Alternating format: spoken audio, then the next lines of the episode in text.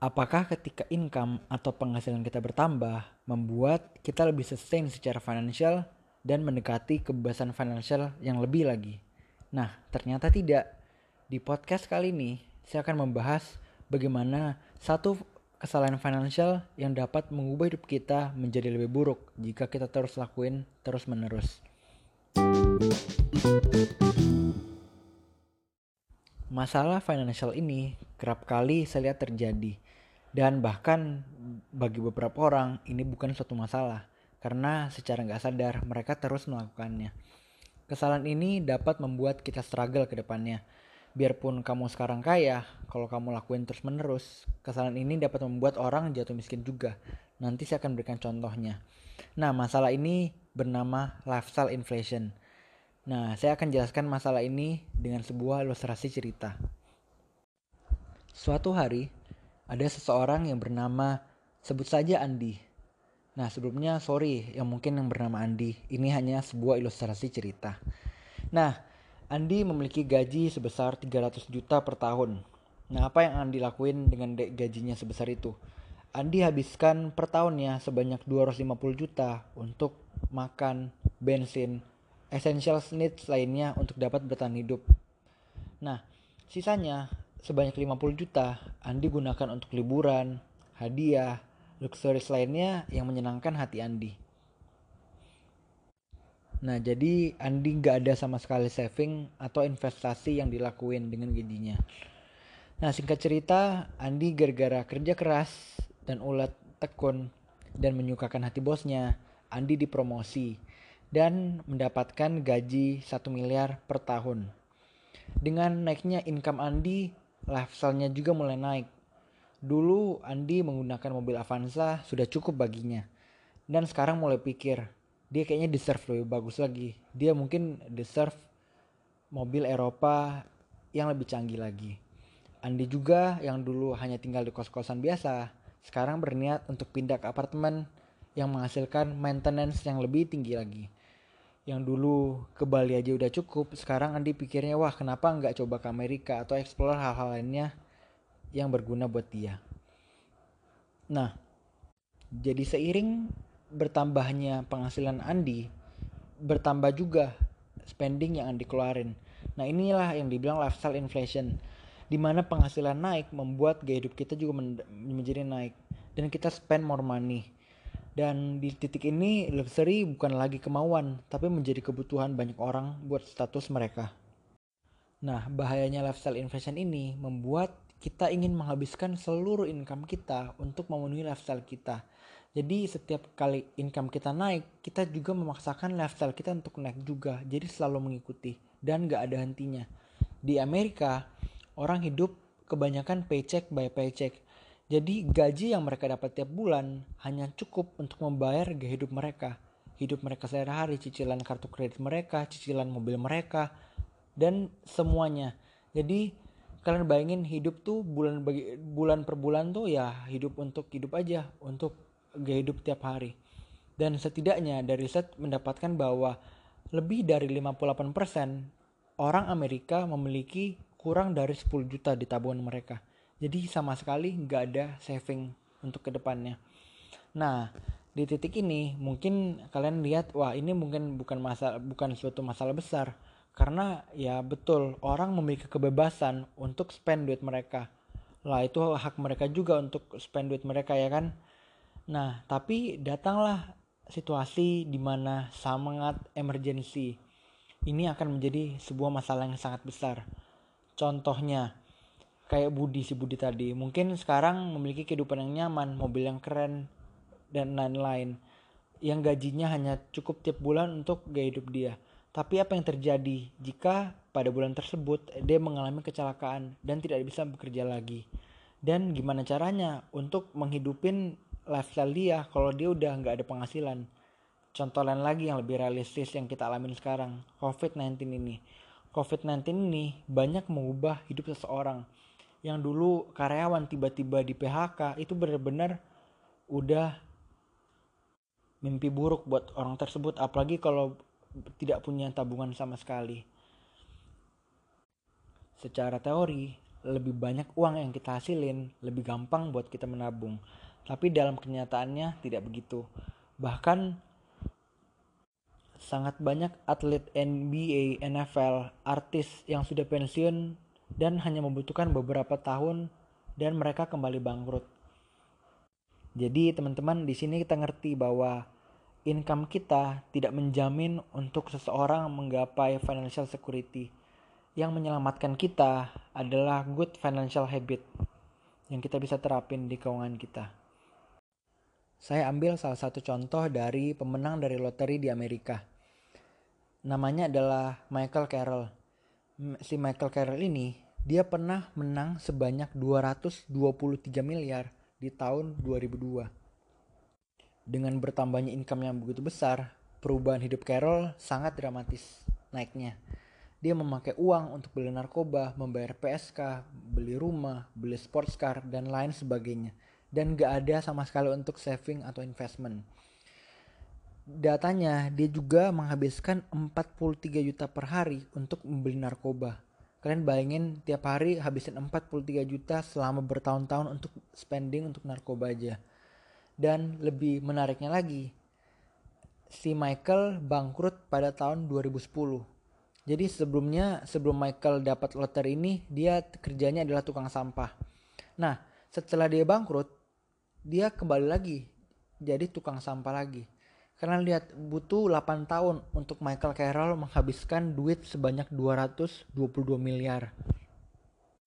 Di sini lebih mirisnya lagi, setelah kejadian ini dia bercerai dengan istrinya dan keluarganya menjadi berantakan.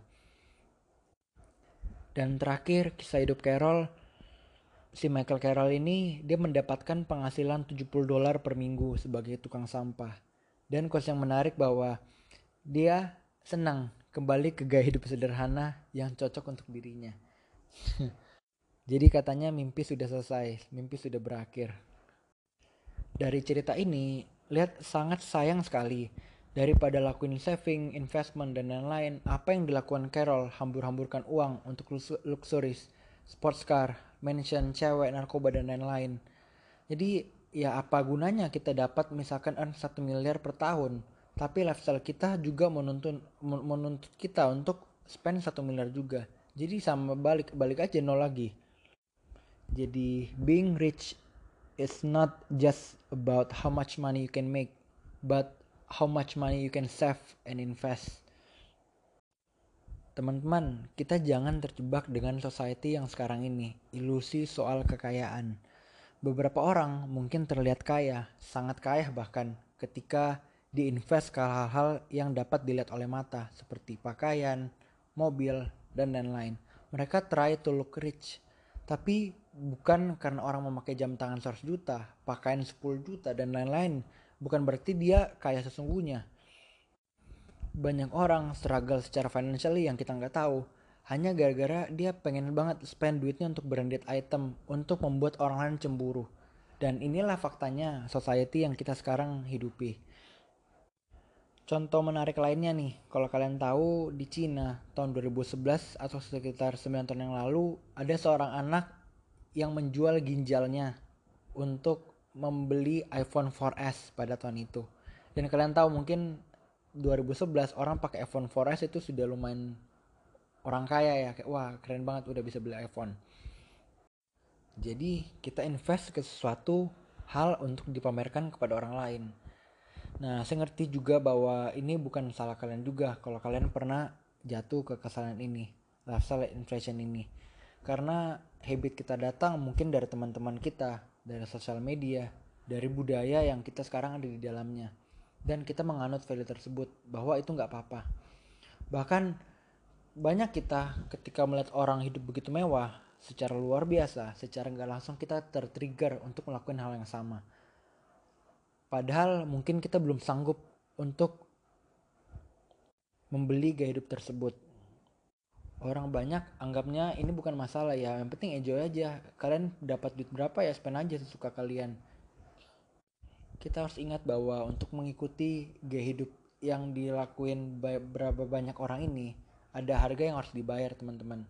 Ada orang hidup tagihan demi tagihan kartu kredit untuk membiayai gaya hidupnya membiayai untuk terlihat bagus di instastory nah jadi buat solusinya teman-teman gimana sih cara kita avoid lifestyle inflation ini Nah, di sini kalau di udah di step kali ini kalian sebenarnya udah aware akan kesalahan kalian yang dulu pernah lakuin. Pernah sekarang mungkin keinget, wah dulu kayaknya pernah beli barang A, beli barang B yang kita nggak butuh, cuman kita cuman pengen impress orang lain aja, impress ke teman-teman kita. Salah satu solusi yang pengen saya share adalah self discipline. Jadi sebelum kita lakukan sesuatu, kalian coba tanya diri kamu, apakah ini benar-benar perlu dibeli gak? apakah ini akan improve something better buat diri gue ke depannya apakah perlu nggak sih setiap tahun beli iPhone baru tiap kali muncul atau karena gara gengsi doang sama teman-teman yang mungkin sudah update iPhone-nya jadi kita merasa sungkan kita merasa insecure jadi kita terpaksa beli iPhone padahal kita nggak butuh.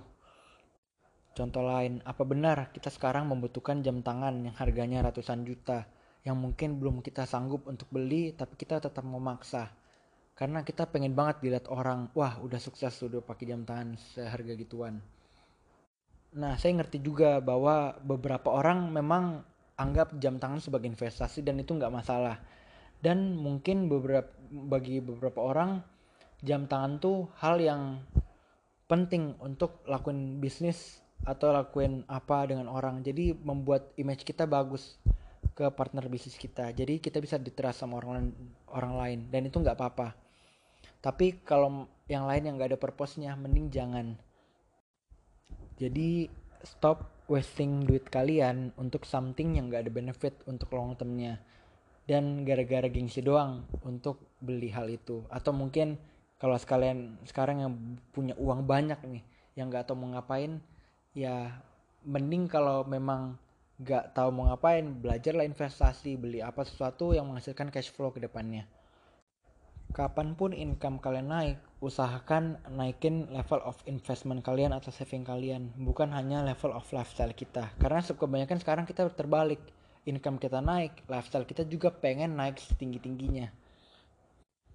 Jika mungkin kalian sekarang juga pendapatan yang belum seberapa, tetap setia, jangan terpancing teman beli apa, kalian juga langsung mau beli. Padahal penghasilan kalian gak sebesar penghasilan teman kalian.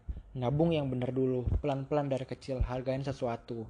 Saya percaya kalau kita setia dalam hal kecil, kalau ke depannya kita dipercaya, dipercayakan uang lebih banyak lagi, kita pasti lebih menghargai uang tersebut dan kita nggak mau spend sembarangan karena kita tahu cari uang itu membutuhkan effort yang luar biasa.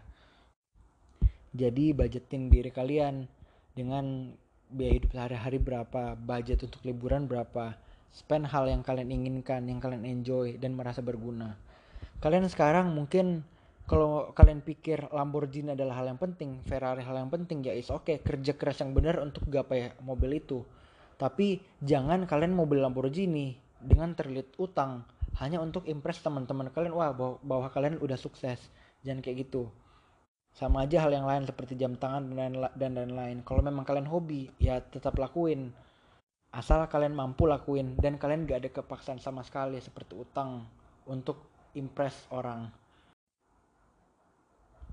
Ada satu quotes yang terkenal mungkin yang kalian udah tahu bahwa we buy things we don't need with money we don't have to impress people we don't like.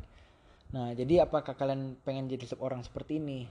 Yang beli barang yang kalian gak butuh dengan uang yang kalian gak punya untuk impress musuh kalian mungkin yang kalian benci. Atau kalian pengen jauh daripada lifestyle inflation dan tetap fokus ke good financial habit kalian.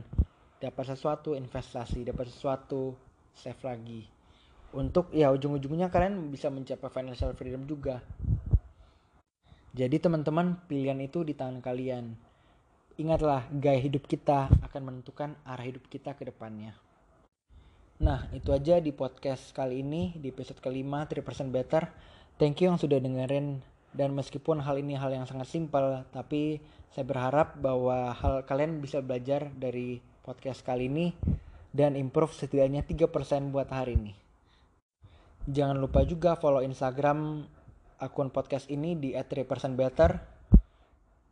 Di sana kalian bisa DM juga untuk uh, request atau saran atau kritik apa pun ya kita terima.